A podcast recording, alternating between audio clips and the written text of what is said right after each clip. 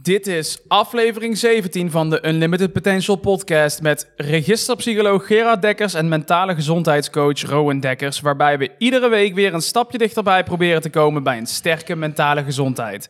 En deze week gaan we het hebben over waarom jouw perceptie niet de realiteit is. Ja, dat is een uh, interessant onderwerp, vond ik zelf. Ja, uh, jij moet je microfoon even lekker naar je mond laten mikken. Dat zou wel fijn zijn. Oké.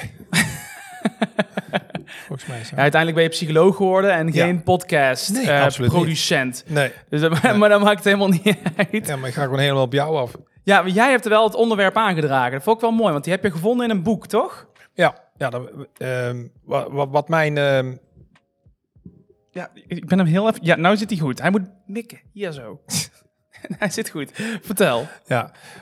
Um, kijk, er wordt natuurlijk heel veel geschreven. En uh, ja, in, voor de psychologie en voor allerlei andere um, ja, onderwerpen die gekoppeld zitten natuurlijk aan uh, persoonlijk leiderschap, uh, jezelf beter voelen, jezelf verbeteren. Nou, alles, daar zijn heel veel, wordt heel, heel veel over geschreven. Het interessante natuurlijk is dat het al keer, elke keer een vorm van nieuwe wijn in oude zakken is. Dus het is elke keer toch wel een beetje opnieuw datgene wat al een keer beschreven is. En dit boek is een boek uit de jaren 70. Um, en, um, en, en daar staan zoveel wijsheden in die nog steeds nu van toepassing zijn. Nou, en een van die wijsheden is dus dat je uh, kijkt naar uh, of jouw perceptie van de werkelijkheid realiteit is.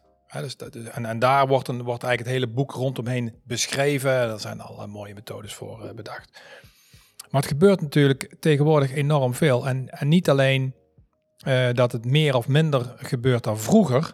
Maar het is veel meer dat nu, omdat we natuurlijk ook heel veel met sociale media uh, ja. te maken hebben. Komen we toch elke keer weer op terug hè, op social media? Ja, weet je, het is natuurlijk echt wel, wel een uh, serieuze mindshift of een, of een paradigma shift over hoe je kijkt naar werkelijkheid. Ja, hebben wij het ook al een keer over eerder gehad, hè, dat, dat het eigenlijk, social media is eigenlijk een beetje een, een, een, een mega grote tool die ons die heel veel potentie biedt, maar het is alsof we het zeg maar hebben gegeven aan iemand die dan er nooit mee heeft leren omgaan. Eigenlijk alsof je, alsof je een, nou ja, uh, hoe zeg ik het? Nou, laat ik eens een mooi voorbeeld. Alsof je een, alsof je een auto geeft aan een baby, zeg maar. Die heeft nog geen, die, die, is, die weet nog niet hoe die moet auto rijden, die weet niet hoe het verkeer werkt, maar een auto is heel handig en het is een heel goed vervoersmiddel, zeg maar. Maar ja, als je het aan een baby geeft, dan gaan er toch van allerlei dingen nou, fout. Ja, het is nog sterker zelfs. Het wordt ook nog eens een keer wel dagelijks gebruikt. Ja. Dus het wordt heel veel gebruikt, terwijl je ongelooflijk uh, beïnvloed wordt op manieren die, waarbij je eigenlijk enorm besef zou moeten hebben van hoe je mentale systeem werkt. Ja. En hoe je, hoe je kijkt naar werkelijkheid en dergelijke. Nou, dat is natuurlijk bij sociale media is natuurlijk gigantisch. Uh, um, een gigantisch, ja, tussen haakjes, probleem. Ja, want, nou, ja, zoals, we al, zoals ze bij mij vroeger op de opleiding altijd zeggen, we hebben geen problemen, we hebben alleen maar uitdagingen. Ja, ja en in dit geval is het dan goed om te weten dat er überhaupt een uitdaging is. Want je gaat Zeker. in een soort gewoonte, een soort onder- of, of niet bewustzijn, gebruik je uh, sociale media zonder dat je weet wat het eigenlijk wat je doet. En het is een best een overkoepelend probleem ook. Hè? Dus je hebt natuurlijk, uh, iedereen weet al wel dat socia sociale media ook best wel wat uitdagingen heeft uh, veroorzaakt. En dat gebeurt ook op social media, worden die ook vaak uitgevochten. Uh, al, die, al die issues en, en de ding, on en weet ik veel wat. Maar daardoor vergeten menselijk, mensen natuurlijk ook wat sneller dat er een overkoepelend probleem is. waar dat eigenlijk allemaal onder valt. En dat is natuurlijk ook dit. Uh, dit is daar een, een, een deel van. Um, maar heel veel mensen die uh, raken natuurlijk redelijk snel verdwaald in de kleinere conflicten. Of kleinere, het zijn grote conflicten. Maar de, de, in verhouding naar dit, de onderliggende conflicten die ontstaan op social media. Over ja. maatschappelijke discussies en weet ik veel wat. Um, ondanks dat we allemaal weten dat social media as a whole, als een geheel... Um, toch wel degelijk, degelijk wat mentale gezondheidsuitdagingen uh, aan het creëren is. Vooral ook met jongeren. Daar heb jij vorige week nog een heel mooi gesprek over gehad. Ja. Um, met... Uh, um, uit, wat, wat, was het ook weer? Een, um... Ja, van de, uh, van de gemeente Rotterdam. Uh, over, van de gemeente Rotterdam ja, was het, ja. Over, over, over, over, mentale gezondheid van jongeren. Ja. En om, ehm, nou, zo praten we natuurlijk met heel veel partijen die allemaal toch beter willen begrijpen hoe het nou komt dat mensen, en in dit geval was het dan jongeren, in mentale problemen komen en het eigenlijk dan niet meer kunnen handelen. Ze kunnen zelf geen oplossing vinden voor datgene wat ze tegenkomen. En een van de, uh, om, om, toch terug te komen naar, naar dit onderwerp over ja, ja, ten aanzien van perceptie. Hè? Dus als je naar iets kijkt of als je iets meemaakt, wat er meteen eigenlijk al het gebeurt, dat je gaat associëren. Dus je gaat, um, kop, je koppelt allerlei zaken aan datgene wat je waarneemt. Dus je ziet iemand oversteken, dat mocht eigenlijk niet, want het was rood. Meteen wat er gebeurt bij sommige mensen met bepaalde, uh, met bepaalde misschien wel perceptie van rechtvaardigheid of zoals het zou moeten. Ja, mensen die door het rood lopen zijn stomme mensen. Ja. Vind ik dat redelijk netjes uitgedrukt. Ja, en dan... Schabberjakken. Wat je dan krijgt, is dat dus die... Dus je ziet iemand ergens... Je ziet iemand over straat lopen. Loopt door het rood heen. Dat is een feitelijke gebeurtenis. Het is gewoon realiteit. Loopt door het rood. Daarna, omdat jij waarneemt met jouw norm- en waardepatroon veroordeel je die persoon omdat hij door het rood gelopen heeft, wat niet mocht. En wat er dan ontstaat, is dat die, die werkelijkheid, die realiteit, wordt dus voor jou ja, een oordelende realiteit van die persoon. Ja, dus dan kun je eigenlijk stellen dat er op zo'n moment twee, twee realiteiten ontstaan. Er, staat, de, de, er bestaat de realiteit, ja. die gebaseerd is op puur en alleen feitelijkheden. En er bestaat de realiteit die door jouw perceptie heen is gegaan. En die daar eigenlijk uh, een oordeel eraan heeft gekoppeld. En uh, potentiële gevolgen die je in hebt gedacht en weet ik veel wat. Um, maar daar ontstaat dan weer een, een, een nieuwe een andere realiteit nou ja, het is eigenlijk... uit in jouw eigen hoofd. Maar je moet het wel natuurlijk zien dat het twee verschillende dingen zijn. Je hebt, en het is niet per se dat één goed of fout is, maar waar we het vandaag natuurlijk veel over gaan hebben, is ook het uh, realisatieproces hiervan. Dus het zelf beseffen wat hier gebeurt en wat er aan de hand is. Niet per se of één goed is of de ander is goed, maar als je weet wat wat is, dan kun je er natuurlijk op handelen. En dan kun je er iets mee doen en dan kun je het trainen. Dus als je je beseft op zo'n moment van de realiteit is, hij loopt door het rood. Eigenlijk punt.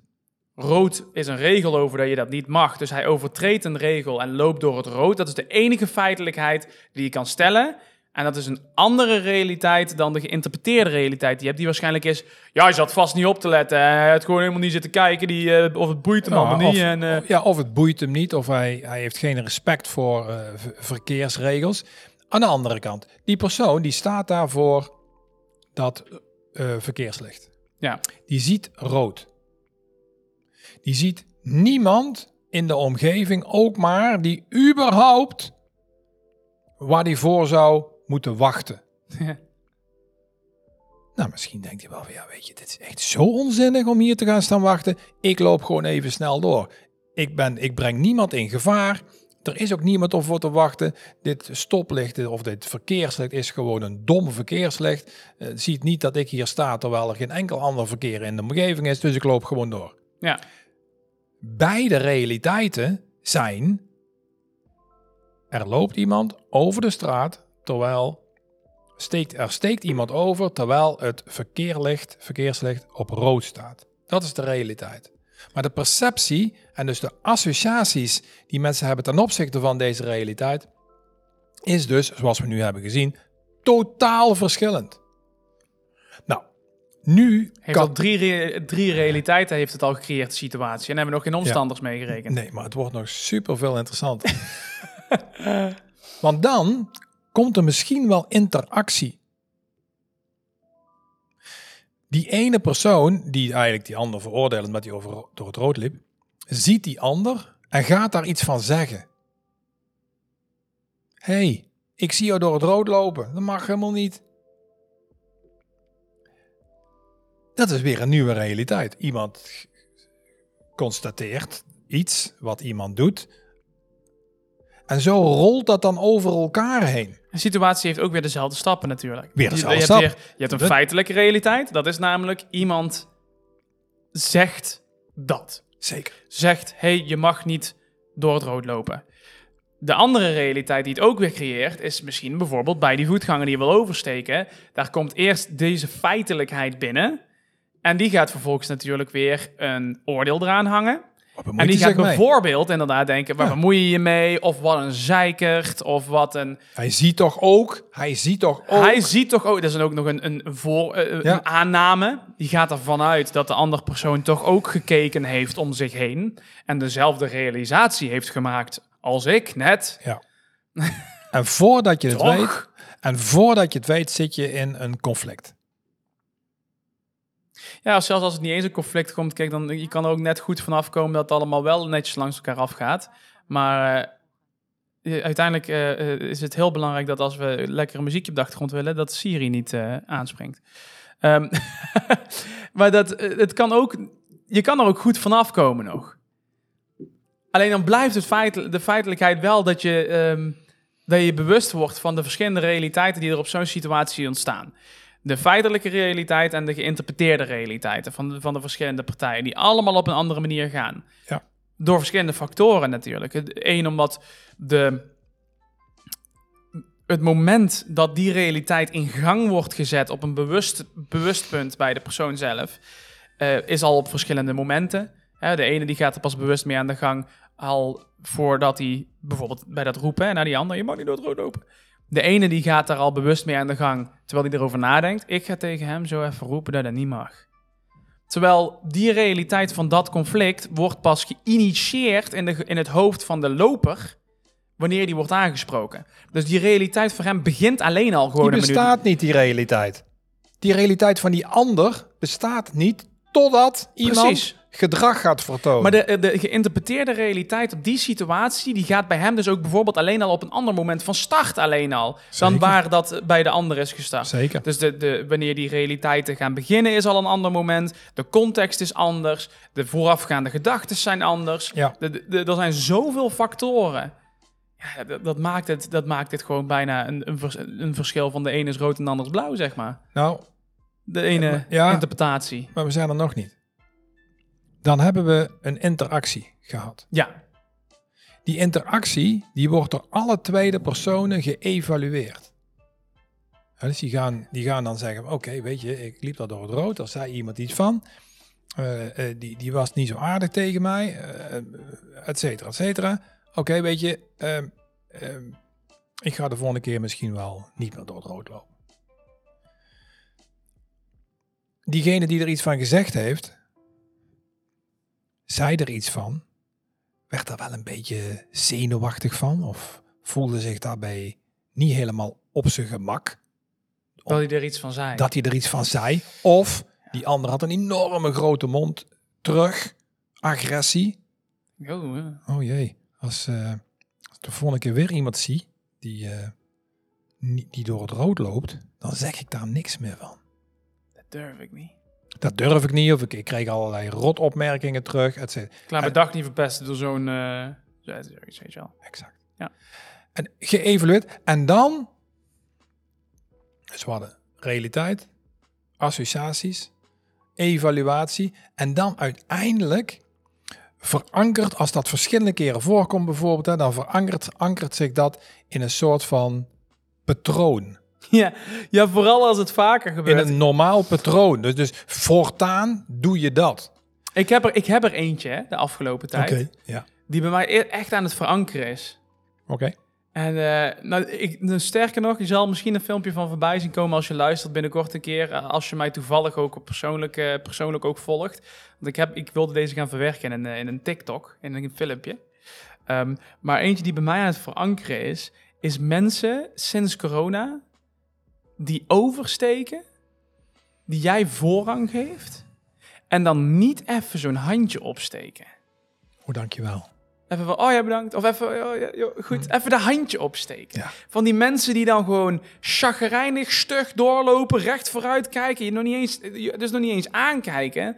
Ook al vooral natuurlijk op momenten dat je eigenlijk geen voorrang hebt. En je denkt, nou ja, kom maar. Het is rustig op de weg, kom maar even. Mm kom maar. En dan doe je ook zo'n handje en dan lach ik altijd een keer, want ik vind dat leuk, weet je wel. Gewoon vriendelijk zijn naar mensen.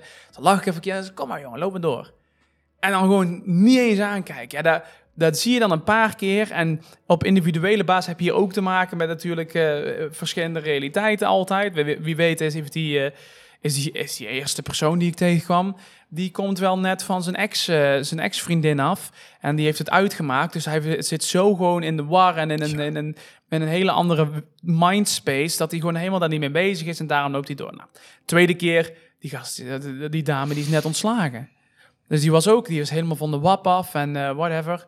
Um, en de derde kwam ik misschien toch een paar kilometer te hard aanrijden. Dus die schrok in eerste instantie van mij. En die dacht dus van, uh, oh, wat eigenlijk vervelende automobilist. Nou, hij geeft me voorrang, maar volgens mij ging het ook niet met plezier. En dan heb je drie andere situaties, compleet andere situaties.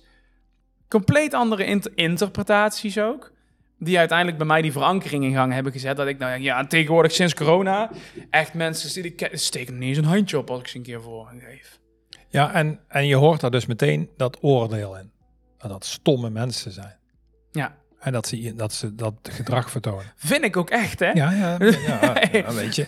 ik heb daar ook echt wel oordeel bij, hoor. Dat geef ik eerlijk toe. Ik bedoel, ik ben ook geen... Uh, geen later hebben ook, gaan we het nog heel even over, over een paar persoonlijke ervaringen. Dit was een persoonlijke ervaring van mij, maar ook, ja, luister, als, als je zelf al naar een coach of een psycholoog gaat, durf ik je nou ook al geld neer te leggen. Jouw psycholoog of jouw coach, die heeft ook wel eens ooit eens een keer in zijn leven nog een, een, een, een keer een moment gehad dat hij toch een oordeel vestigt eh, over een, die de realiteit op zijn manier ja. verandert. Maar, maar kijk, weet je wat eigenlijk de, de rol en de taken van zo'n coach, mentor, psycholoog is, is om dat proces te ontrafelen. En, en, en nogmaals voor de luisteraars, het proces gaat dus eigenlijk relatief eenvoudig van je ziet een realiteit, je gaat erop associëren. Ja. Ja, je gaat allerlei dingen erbij halen in je hoofd. hoeven helemaal niets te maken te hebben met die realiteit. Op het moment dat je ga je evalueren. Ja, en je gaat denken, oh weet je, ik doe het wel of niet nog een keer, of eh, et cetera. En dan neem je een besluit. En dus je neemt een besluit, ga ik vandaan altijd, altijd zo reageren. Nou, de volgende keer dan uh, zei ik er weer iets van. Of, nou ja, weet je, de volgende keer hou ik toch maar mijn mond dicht. Want ja, deze persoon was zo agressief. Mm Als dat dus dat, dat cirkeltje uh, verschillende keren voorkomt, dan verhuist dat proces niet meer van je bewuste systeem, ja. maar verhuist naar je onbewuste systeem. En het wordt een soort normaliteit om op die manier te reageren. En om op die manier dus de realiteit te ervaren.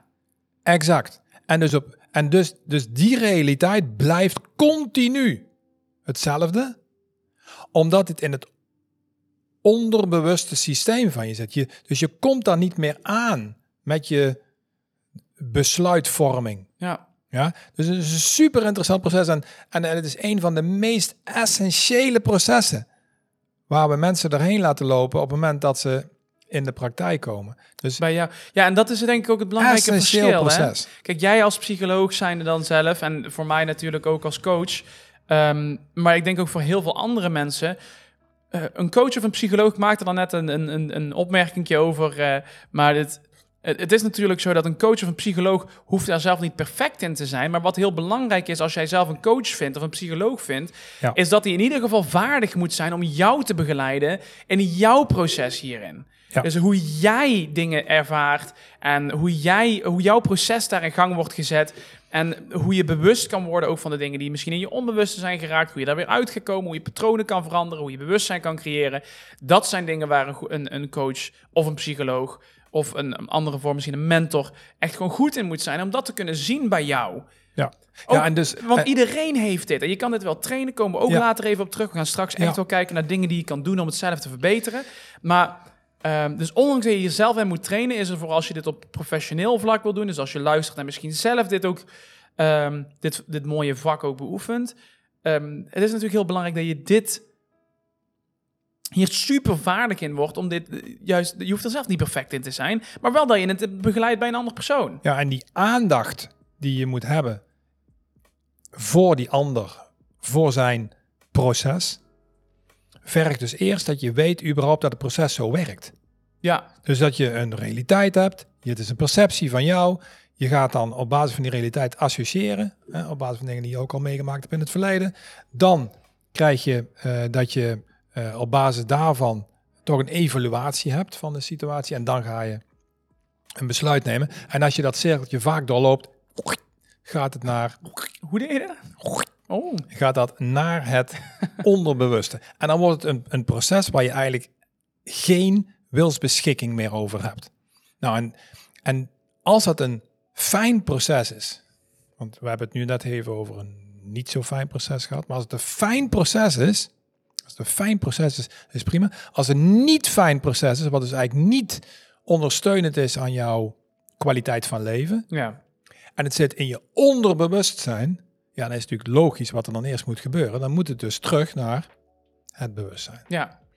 En dat terughalen naar het bewustzijn, ehm, daarbij is de eerste stap dat je zicht krijgt op je eigen processen. En dus dat, je, dat, je, dat de coach, mentor, psycholoog, uh, persoonlijke begeleider, hoe je dan ook wilt noemen, dat hij helder weet, oké, dit is een proces wat bij iedereen speelt. En dus moet ik altijd toetsen en ontdekken samen met die andere persoon, zeg maar, of dat wat daar gebeurt. Dan spenderen we ook altijd de eerste sessies aan. Hè? Je bent eigenlijk altijd op het begin bezig met eerst iemand, uh, iemand zelf heel erg naar ons, maar ook naar zichzelf in kaart gaan brengen. Ja. Wie ben je nou? Hoe werk je? Hoe, hoe, hoe tikt jouw klokje? Ja. Wat zit er allemaal al in jouw, in jouw geautomatiseerde systeem? Hoe, ja. Wat drijft jou? al die dingen, dat, dat, dat ja, spenderen we gewoon altijd wel, wel minstens een volle sessie aan. Ja, minimaal. En um, het, het terugbrengen naar het bewuste proces. Hè, dus op het moment dat je heel veel onbewuste, onder, of onbewuste processen hebt bij jezelf, die je niet meer realiseert dat die zo bij jou gaan, breng, moeten we het eerst terugbrengen naar, naar je bewustzijn. En dan nog, als je wilt, als je een ander besluit wil nemen in stap 4, zeg maar, ja, ja, dan moeten we het dus ook hebben over van oké, waar ligt dan jouw normen waardepatroon en, en op welke, uh, welke basis neem je dan dit besluit? Ja. Nou, en dan heb je het over carrière. Dan heb je het over hoe je omgaat met een liefdesrelatie. Dan heb je het over hoe je omgaat met vrienden, hoe je met sociale media omgaat. Hoe je uh, keuzes maakt op het moment dat je een keer ruzie hebt uh, of conflicten. Nou, al die aspecten, daar zitten zoveel geautomatiseerde reacties bij jezelf in, hè, die door in de loop van de jaren gewoon gecreëerd zijn, mm. dat je het eerst terug moet brengen naar het bewuste systeem. Ja, want het, kunt veranderen. Het is natuurlijk, het zijn waar we het al over hebben gehad, het is een kwestie van bewustwording. Dus jezelf bewust worden van wat nou de feitelijke realiteit is en wat nou mijn perceptie is. Ja. En wat dingen zijn die erin gesleten zijn via de percepties.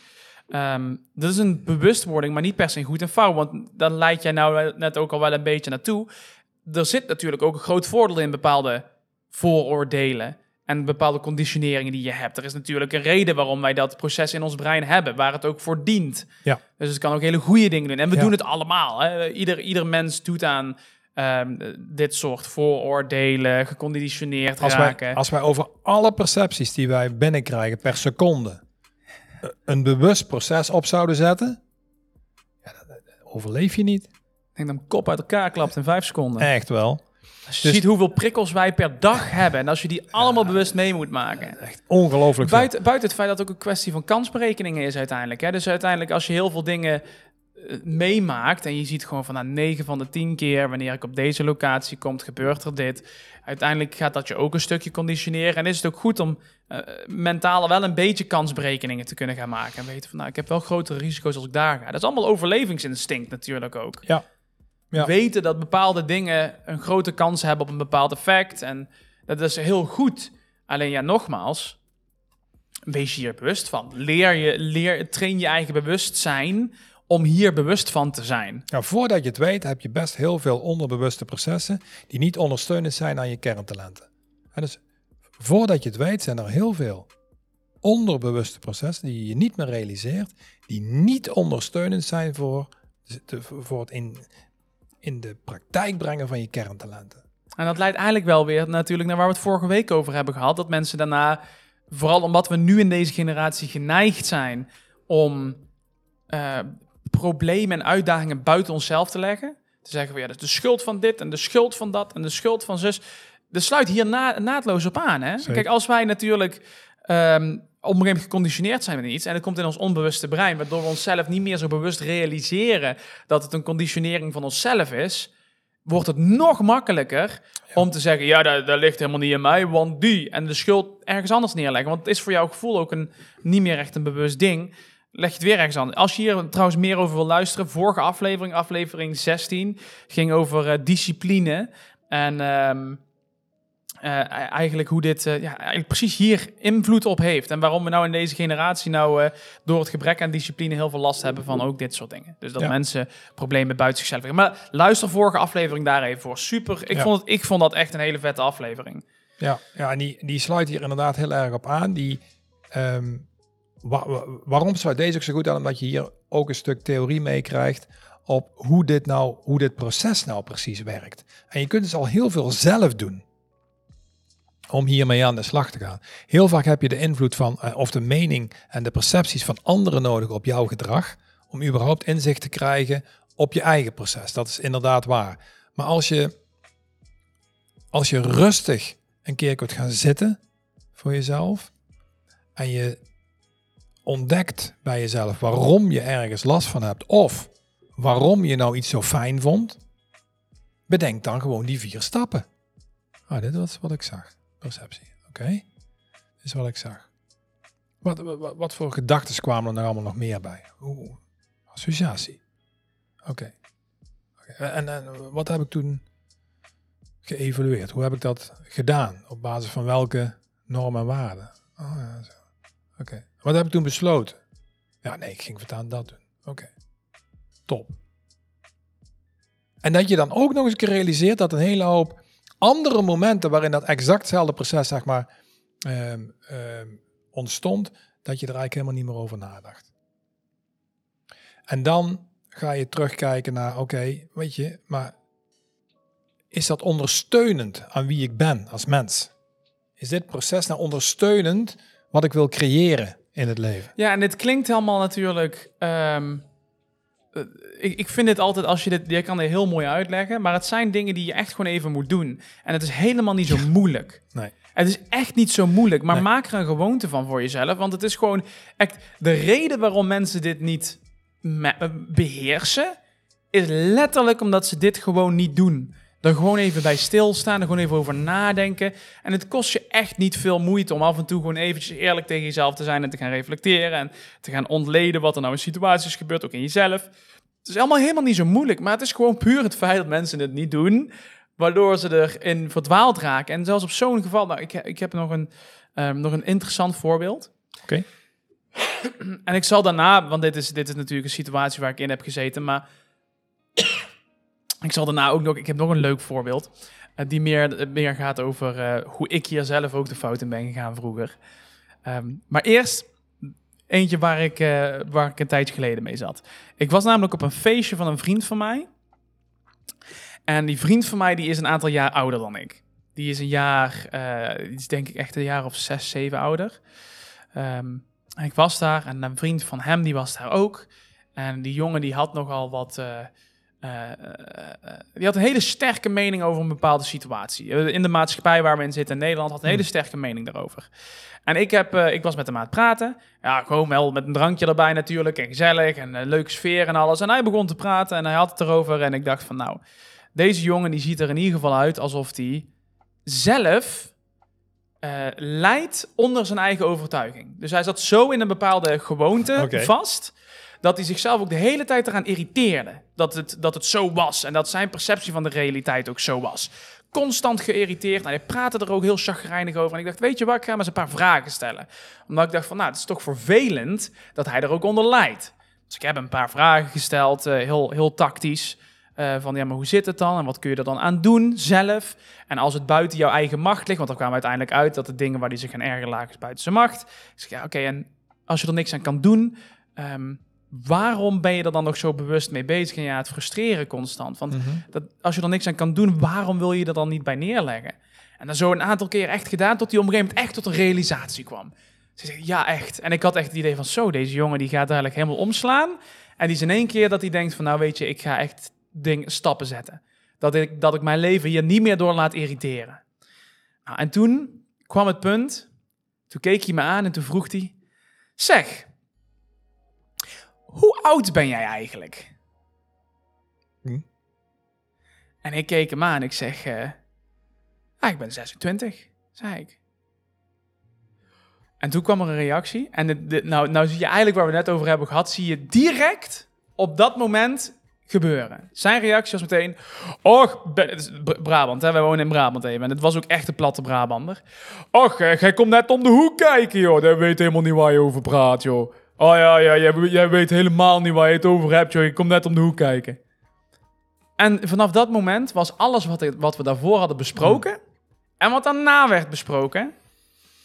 Was, werd compleet... ehm, eigenlijk gewoon eh, teniet verklaard. Van dat, dat, dat- daar heeft hij niks aan en dat, dat Hmm. is geen waarheid. En dat, terwijl daarvoor bijvoorbeeld hè, de realiteit was... Ik heb hem ook helemaal niet verteld wat goed of fout was. Ik heb hem alleen vragen gesteld. Zelf antwoorden laten geven, alleen vragen gesteld. Hmm. Maar toch uiteindelijk, zelfs door de perceptie die werd gecreëerd op dat moment... omdat ik bijvoorbeeld 26 was en dat ik tegen hem vertelde... eh, waren eigenlijk zelfs dus de antwoorden die hij zelf gaf... waren niet meer waar. Hmm. En dat sloeg allemaal nergens meer op. Ja. Ehm, dus zo zie je direct eigenlijk wat er, wordt, wat er gebeurt wanneer er zo'n perceptie wordt gecreëerd bij iemand. En je natuurlijk vooral, want dit kan heel makkelijk teruggedraaid worden. In principe, als je dus daarna zou reflecteren van, nou hè, dit is er geweest. En je gaat reflecteren naar jezelf. Ik heb dit gezien, ik heb dit waargenomen, ik heb, eh, dit is feitelijk wat er is gebeurd. Dit is er in mijn hoofd, zijn de gedachten die er bij mij op zijn gekomen. Hij zei, ik ben 26, dit is de gedachte die bij me opkwam. Oh, Oké, nou, wat de keuze die ik daarop heb gemaakt, hoe ik erop heb gehandeld. En je gaat dat proces door, vooral op zo'n situatie. Had hij, en dat bedoel ik echt niet even, eh, bedoel ik meer in het feit van dit is gewoon de realiteit. Hij had daar nog heel veel aan kunnen hebben.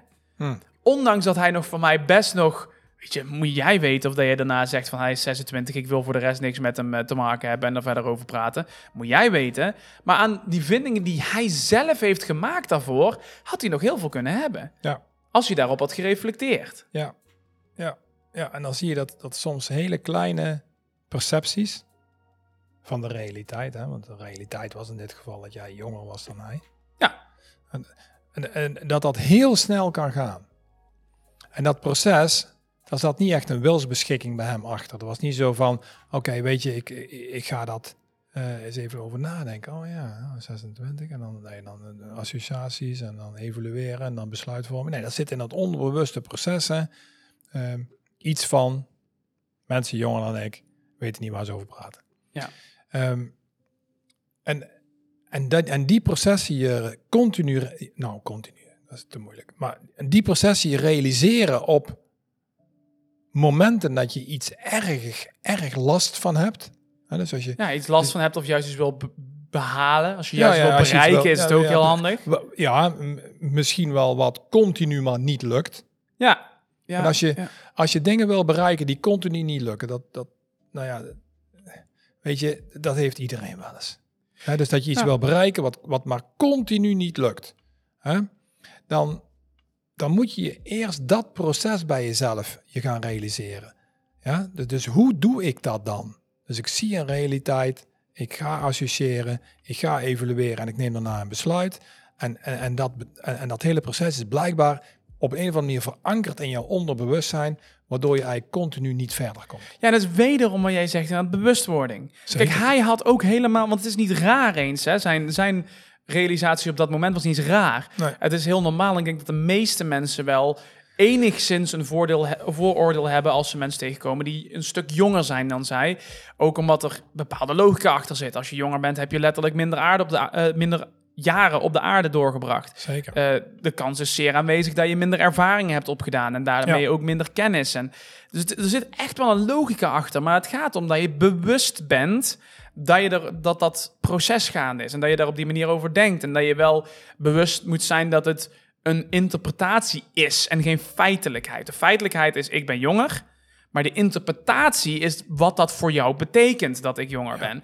En dat weten in je hoofd van nou, dit is een interpretatie en dat andere is een feitelijkheid. Die twee die verbind ik aan elkaar, maar zijn niet hetzelfde. Ja, die, dat is hetgene wat hier belangrijk Ja, en is. het mooie is, en het mooie is dat je het zelf dus kunt beïnvloeden als je er bewust van bent. Ja. En, Ja, en- ja, en dan maak je de keuze het- of dat je je laat leiden door, jou, door jouw oordeel, door jouw eigen overtuiging dan of maak je niet. een keuze. Ja. Ja. ja, dan maak je een keuze of, of je dat doet of niet. En daarom zijn dit soort processen zo belangrijk om zicht, om aandachtig voor te zijn zelf. Hè, dus, dus dat je daar eerst maar eens even goed bij jezelf door hebt van oké, hoe werkt dat dan bij mij? Oh, werkt dat zo? Oké, ja, maar dat doe ik eigenlijk, dat doe ik eigenlijk altijd zo. Oh, interessant. Dus dan, nou, als je, als je dat realiseert, dat doe ik eigenlijk altijd zo, dan weet je dat dat in je onderbewuste systeem zit. En dan moet je dus eerst terughalen naar je bewuste systeem om het te kunnen remodelen, om er een ander proces eh, voor in de plaats te zetten. Ja. En, Ik, ik deed het zelf ook altijd, hè? Hm. Precies dit. Deed ik zelf, heb ik ook echt heel lang gedaan. Toen wel een stuk jonger en inderdaad die realisatie gemaakt. Maar weet je bij wie ik dat deed? Hm. Bij mijn broertje. Hm. Ik zal, ik zal de naam niet noemen, omdat we natuurlijk niet weten of dat hij liever anoniem blijft of niet. Maar echt van jouw kant. Hm. Jouw andere zoon. Hm. Daar had ik daar ook bij. Precies dit. Toen ik jonger was, heb ik echt af en toe... Want jij was daar heel goed in. En jij ehm, hebt hem ook echt opgevoed op een manier dat je hem zelf keuzes liet maken. En eh, bewust liet worden van de keuzes die hij die, die maakte. En nou, een beetje hetzelfde als wat er ook wel voor een deel bij mij al eh, gebeurde toen je mij opvoedde. Ja. Maar je bent, je bent en blijft in hart en nieren ben jij een psycholoog. En Ja. daar kun je niet omheen, ook als je, als je in jouw vader, als jij jouw vaderrol aanneemt. Nee. Ehm, maar zo Nee. heb jij hem ook opgevoed. Waardoor hij best wel op een hele jonge leeftijd daar al wel goed in werd. Om bewuste keuzes te maken en om in ieder geval dingen te evalueren. En hij wilde zich ook echt al, al best wel jonge leeftijd gaan mengen met de serieuze gesprekken die er eh, werden gevoerd. Wilde zich mee mengen. En dan weet ik nog dat ik dan aan tafel zat toen ik nog thuis woonde. een een eeuwen geleden. Ja. toen ik nog thuis woonde, toen dat ik dan aan tafel zat en dat ik dacht... Gast, waar, waar heb je het? nou? Waarom ga, ga jij je mengen in die gesprek? Waar heb jij het over? Hm.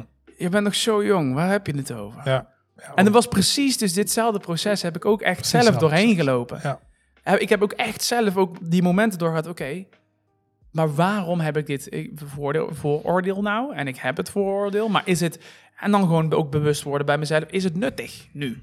Nou, ik, ik, ik Is, denk, het, is het van toepassing, echt, feitelijk? ja, ik denk ook dat dit een mooi bruggetje is ook naar, eh, naar een persoonlijke ervaring. Als je het hebt over eh, opvoeden. Dus jouw kant van het verhaal. Ja, mijn kant van het verhaal. Als je het hebt over opvoeden. Ik denk dat het goed is dat je meerdere kinderen hebt. Alleen al vanwege het feit dat je gewoon leert van de, van de eerste persoon die je aan het opvoeden bent. Dus je bent, ja, weet je, er gebeuren allerlei dingen automatisch. Ben je nou een bruggetje aan het maken naar de fouten die je bij mij hebt gemaakt? Andere aanpak hier en daar. Ja, weet je, maar, maar, maar, je, maar je realiseert je, kijk, als je één keer iets doet, dan zijn er heel veel geautomatiseerde processen waar je eigenlijk, ja, die gewoon vanzelf lopen en dus uiteindelijk ehm, bepalen hoe je daar mee omgaat met opvoeding van je eerste kind. Ja, zoals... Nou ja, weet je, een voorbeeld erbij dan wel. eh. nou, ehm, als je het hebt over school, Ja. bijvoorbeeld. En weet je, een kind kan gewoon niet inschatten ehm, wat het effect is Nee. als hij ervoor kiest om een bepaalde school niet te doen.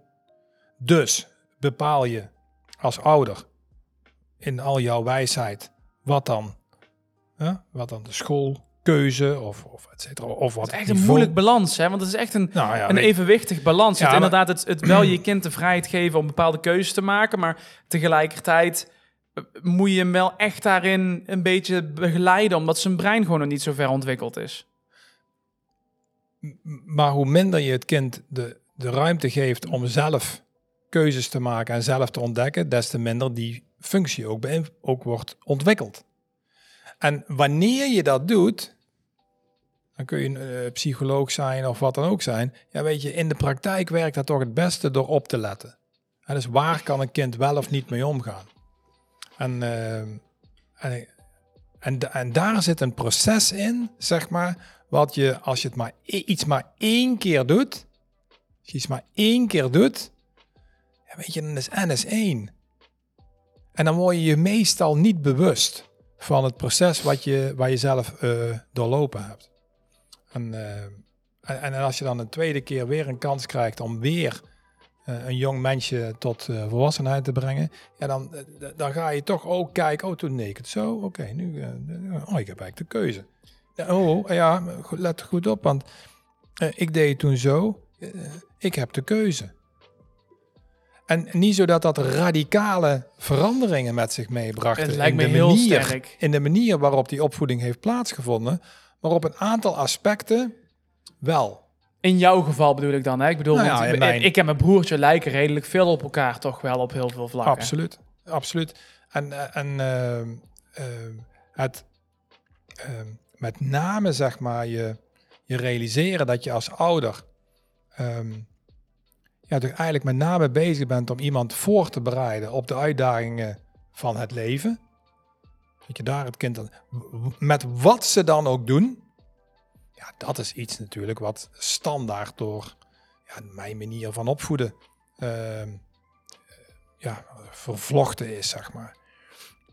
Maar wat ik denk, wat de, wat de perceptie was van, van mij bij de, bij de eerste, jij dus, mm is, is, is toch iets meer een soort maakbaarheid gedachte. En, en, en toen, en dus, dus je denkt... Hoe bedoel je? Je had het idee dat je bij mij wel iets meer zelf ging vormen ook? Ja, ja Daar heb ik echt helemaal niks van gemerkt. Oh, wat fijn. Nee, maar ja, nee. Hey, hallo, ik ben uiteindelijk ben ik echt hele andere kant op gegaan hè, met mijn carrière en met alles dan, dan iets waar jij... Ja, jij hield niet eens van spelletjes. Nee, Je hebt nooit van spelletjes gehouden. En ik ging uiteindelijk, heb ik, ben ik de opleiding Game Art gaan doen. Uiteindelijk ben ik alsnog teruggevallen in ja, jouw... Was, dat was 12, 13, 14 jaar. Ja. En bij, uh, bij de tweede, jonger. Jonger al gekeken. Van oké, weet je hoe, hoe ziet dat bij hem en, en precies, et cetera. Dus, dus, de, dus de rol, zeg maar, uh, van wanneer je sturing een beetje loslaat en veel meer bij het kind legt, mm -hmm. uh, die, die is bij mij verschoven naar jonger. Nadrukkelijk naar jonger. Hoe jonger, hoe beter. Mits afhankelijk, je... van, afhankelijk van het ontwikkelingspsychologische proces natuurlijk, hè, van de ontwikkeling van het brein, maar, maar, maar dat, dat mag jonger zijn. En, en dus die... Mits dat je daar natuurlijk wel de bepaalde grenzen bij hebt, want die, die kinderen hebben wel sturing nodig in bepaalde vlakken. Zeker. Je kan een kind niet, uh, niet compleet of vrij... Kijk, dat is, dat is een, het moeilijke balans waar we denk ik ook nog niet genoeg... Uh, nou ja, dus het, het, bekende onderwerp wat ik al vaker met mensen heb besproken. Uh, je hoeft om een kind te krijgen, hoef je geen diploma te halen. Dus je hebt natuurlijk uiteindelijk nog steeds het effect dat iedereen die neemt een kind... en die gaan het dan toch een beetje freewheelen. Of ze doen er wel heel veel onderzoek naar, maar je kan er ook gewoon voor kiezen om helemaal geen onderzoek te doen... en gewoon een kind gewoon de aarde op te brengen en er wat mee te gaan doen. Als je zo gelukkig mag zijn dat je ook een kind mag krijgen natuurlijk. Hè? Het moet ook nog een beetje natuurlijk proces mee zitten. Zeker. Maar um, daardoor krijg je vaak door bepaalde overtuigingen of dingen die ze opvatten, krijgen ze ook um, extreme overtuigingen. Dus mensen die veel zeggen, ik ga mijn kind compleet vrijlaten. Of mensen die zeggen, ik ga precies mijn kind heel erg door een bepaalde lijn heen sturen. Maar er zit een balans wat je alleen maar gaat, in mijn optiek, en ik ben nog geen ouder, dus ik moet het nog ervaren, waar ik naar uitkijk om dat proces te gaan uh, zien. Um, maar het is een balans wat erin zit, waar je alleen gaat behalen als je begrijpt wat het proces is. Waarom het dingen zijn, waarom je een kind sturing moet geven. Waarvoor geef je hem sturing? Voor het feit bijvoorbeeld dat zijn brein op bepaalde vlakken nog niet ontwikkeld is, waardoor hij bijvoorbeeld tot op zijn twintigste leeftijd, ruim 20, zit tussen de 20 25 ligt in de ontwikkeling natuurlijk, maar uh, veel sneller emotioneel reageert dan, dan rationeel. Niet door, maakt niet uit hoe jij hem opvoedt hè. Gewoon puur door de, door, de, door de fysieke toestand in het, in het brein. De feitelijke toestand van het brein, hoe snel de verbindingen gaan.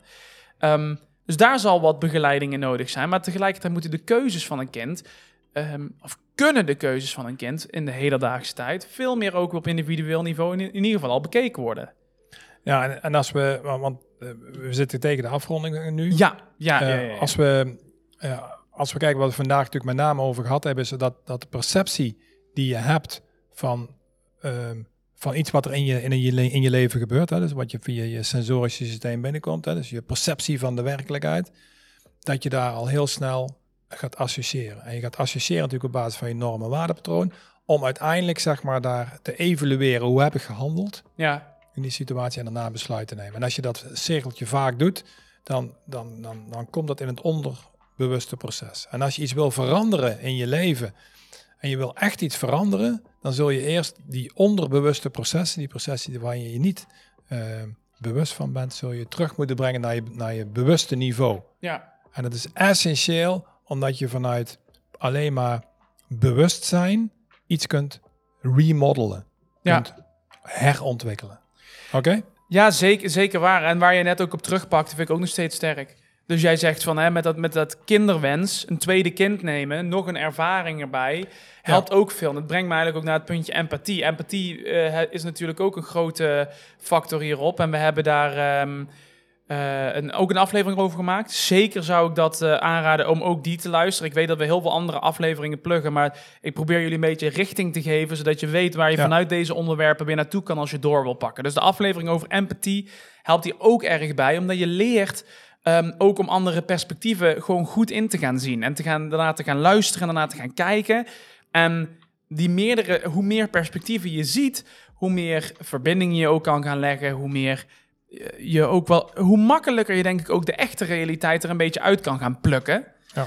Ehm, en je bewust kan gaan worden ook van het proces wat er gebeurt. Dus hoe ook andere mensen een realiteit ervaren, daar zelf hun eigen, eh, hun eigen krokante jasje omheen bouwen. Zeker. En dan hun eigen eh, ehm, perceptie hebben. En dat brengt me ook een beetje naar ehm, de opdracht die we eigenlijk hadden voor, voor vandaag. Want ja, hoe train je dit? We hebben het er net al over gehad. Jij hebt het ook al eventjes genoemd. Ehm, hoe je het kan trainen door bijvoorbeeld aan andere mensen te gaan. Kun, kun je het vragen? Hè? Hoe andere mensen dingen zien, meer perspectieven krijgen, eh, bewust gaan kijken, evalueren naar je eigen situatie van, hé, hey, wat is er nou gebeurd? Wat is er nou feitelijk gebeurd? En welk jasje heb ik er omheen gebouwd? En welke actie ben ik eruit gaan maken? En eh, dat soort dingen. Daar kun je al naar kijken. Ehm, het boek waar jij aan het lezen was, kunnen, zullen we die ook even noemen? Ja, die zullen we in de, ehm, het heet Release Your Breaks. Ehm, en, maar dat zullen we in de, in de comments erbij In de show notes zetten we Ja. die er even Ja. bij. Nou, de. Release Your Breaks, die zetten we daar nog even neer. En ja, nogmaals, wel even samenvattend van eerder. Ik wil ook wel toch een beetje een lans breken voor goede coaches in Nederland. Want goede coaches met een goed fundament en ook hoe wij ze opleiden persoonlijk. Eh, wat wij natuurlijk bij Unlimited Potential doen, is echt een cruciale factor dat zij weten hoe ze hun coaches begeleiden ook in dit proces. Absoluut. En dan gaat het dan niet om dat een coach, of een coach zelf perfect is als persoon. Want iedereen moet dit pro- proces blijven trainen in zijn hele leven. Maar het gaat erom dat een goede coach of een goede psycholoog zijn cliënten daarbij kan begeleiden bij dat proces. Absoluut. En ehm, ik vind toch als je dat goed kan, dan mag je jezelf ook echt al wel voor een stuk inderdaad ook gewoon een goede coach noemen. Eh, en in Nederland zien we te veel momenteel ook, eh, of nou te veel, we zien heel veel dat het eh, imago van coaches ehm, nou, toch wel wat lager ligt. Ehm, en ik vind dit toch wel een van de meetbaardere aspecten, waarbij je in ieder geval kan zeggen, mits dat een coach dit beheerst, is hij al zeker, heeft hij al een paar hele goede stappen gezet in zijn ontwikkeling en professionaliteit. Zeker. Ehm, de opdracht voor vandaag. Eh, een, le- een leuk aansluitend hierop. Ga eens eventjes kijken naar je social media. Scroll er eens lekker doorheen. Dat doe je waarschijnlijk al genoeg op de dag. En wanneer je een populaire post tegenkomt met iets waar jij ook een, een mening over hebt... of waar jij ook iets van vindt of waar je bij betrokken voelt... ga eens door de reacties scrollen. Gewoon door de reacties. Waarschijnlijk als de populaire post heeft hij honderden reacties. En ga voor de grap eens met wat je vandaag geleerd hebt... analyseren wat voor verschillende interpretaties en eh, perspectieven je allemaal ziet in die reacties. Iedere Ja. comment is anders. Iedere comment is weer iemand anders die die post op een andere manier heeft gezien, op een ander moment, op een andere plek, met Ja. een andere Ja, norm- en waardepatroon. het was één post. Het was het is Eén post. één post. Kijk, dus- één post. En met allemaal verschillende reacties. En daar zie je echt, ehm, echt toegepaste psychologie. Daar zie je echt gewoon hoe het, hoe het gewoon werkt. Dus je hebt één post, één realiteit en god weet hoeveel reacties. En allemaal is- ook nog eens een ja. keer verschillend ook nog. Dus niet alleen zo van, oké, ja, je hebt gelijk, je hebt gelijk, je hebt gelijk. Dat is de Nee. feitelijke reactie waar jij zegt Ja. inderdaad. Je ziet één post, die post is voor iedereen hetzelfde. En toch zie je zoveel verschillende realiteit. Of in ieder geval interpretaties van de realiteit. Ja. nou, als je je vindingen met ons wilt delen, dat willen we heel graag weten. Je mag hem altijd even sturen naar info.unlimitedpotentialprogram.com. Vinden we altijd superleuk om te lezen, na te lezen. Als we genoeg reacties krijgen, We wijden we er ook altijd een stukje aan in de nieuwe, in de nieuwe aflevering. Ehm, je mag het ook altijd eventjes in de comments plaatsen als je kijkt op YouTube of in, uh, op, als antwoord op de vraag op Spotify. Um, je, daar, daarbij mag je ons sowieso volgen op onze social media. We zijn overal te vinden. Als je nog kleine highlights wil horen of andere theorieën. We maken mooie uitgebreide posts over coachingtheorieën en over andere mentale gezondheidsonderwerpen op onze social media. Dat is op Instagram, LinkedIn, uh, TikTok zitten we zelfs op. eigenlijk kun je ons overal vinden en die linkjes zie je ook even in de beschrijving. Uh, maar eigenlijk overal vind je ons als je ons gewoon zoekt op uh, Unlimited Potential Program Nederland of Unlimited Potential Program NL. Dan vind je ons wel um, op eigenlijk ieder platform. En um, daarom wil ik jullie ook graag vragen nu dat wij deze podcast gaan afsluiten. Vond je het nou een leuke aflevering? Luister je nou vaker naar onze podcast? Geef hem dan alsjeblieft even een beoordeling. Dat helpt ons enorm veel om ook uh, nog meer mensen te gaan bereiken en nog meer mensen te helpen om een stapje dichter bij een gezonde mentale gezondheid te krijgen. Dus deel hem even met je vrienden als je denkt dat, het, uh, dat het helpt. En geef hem eventjes een goede beoordeling. Dat helpt ons echt enorm. Ja. Ja, ja. en dan, uh, nou, dan rust ons nog maar één ding om te zeggen. Zeker te weten. Dare to dream. Durf te dromen.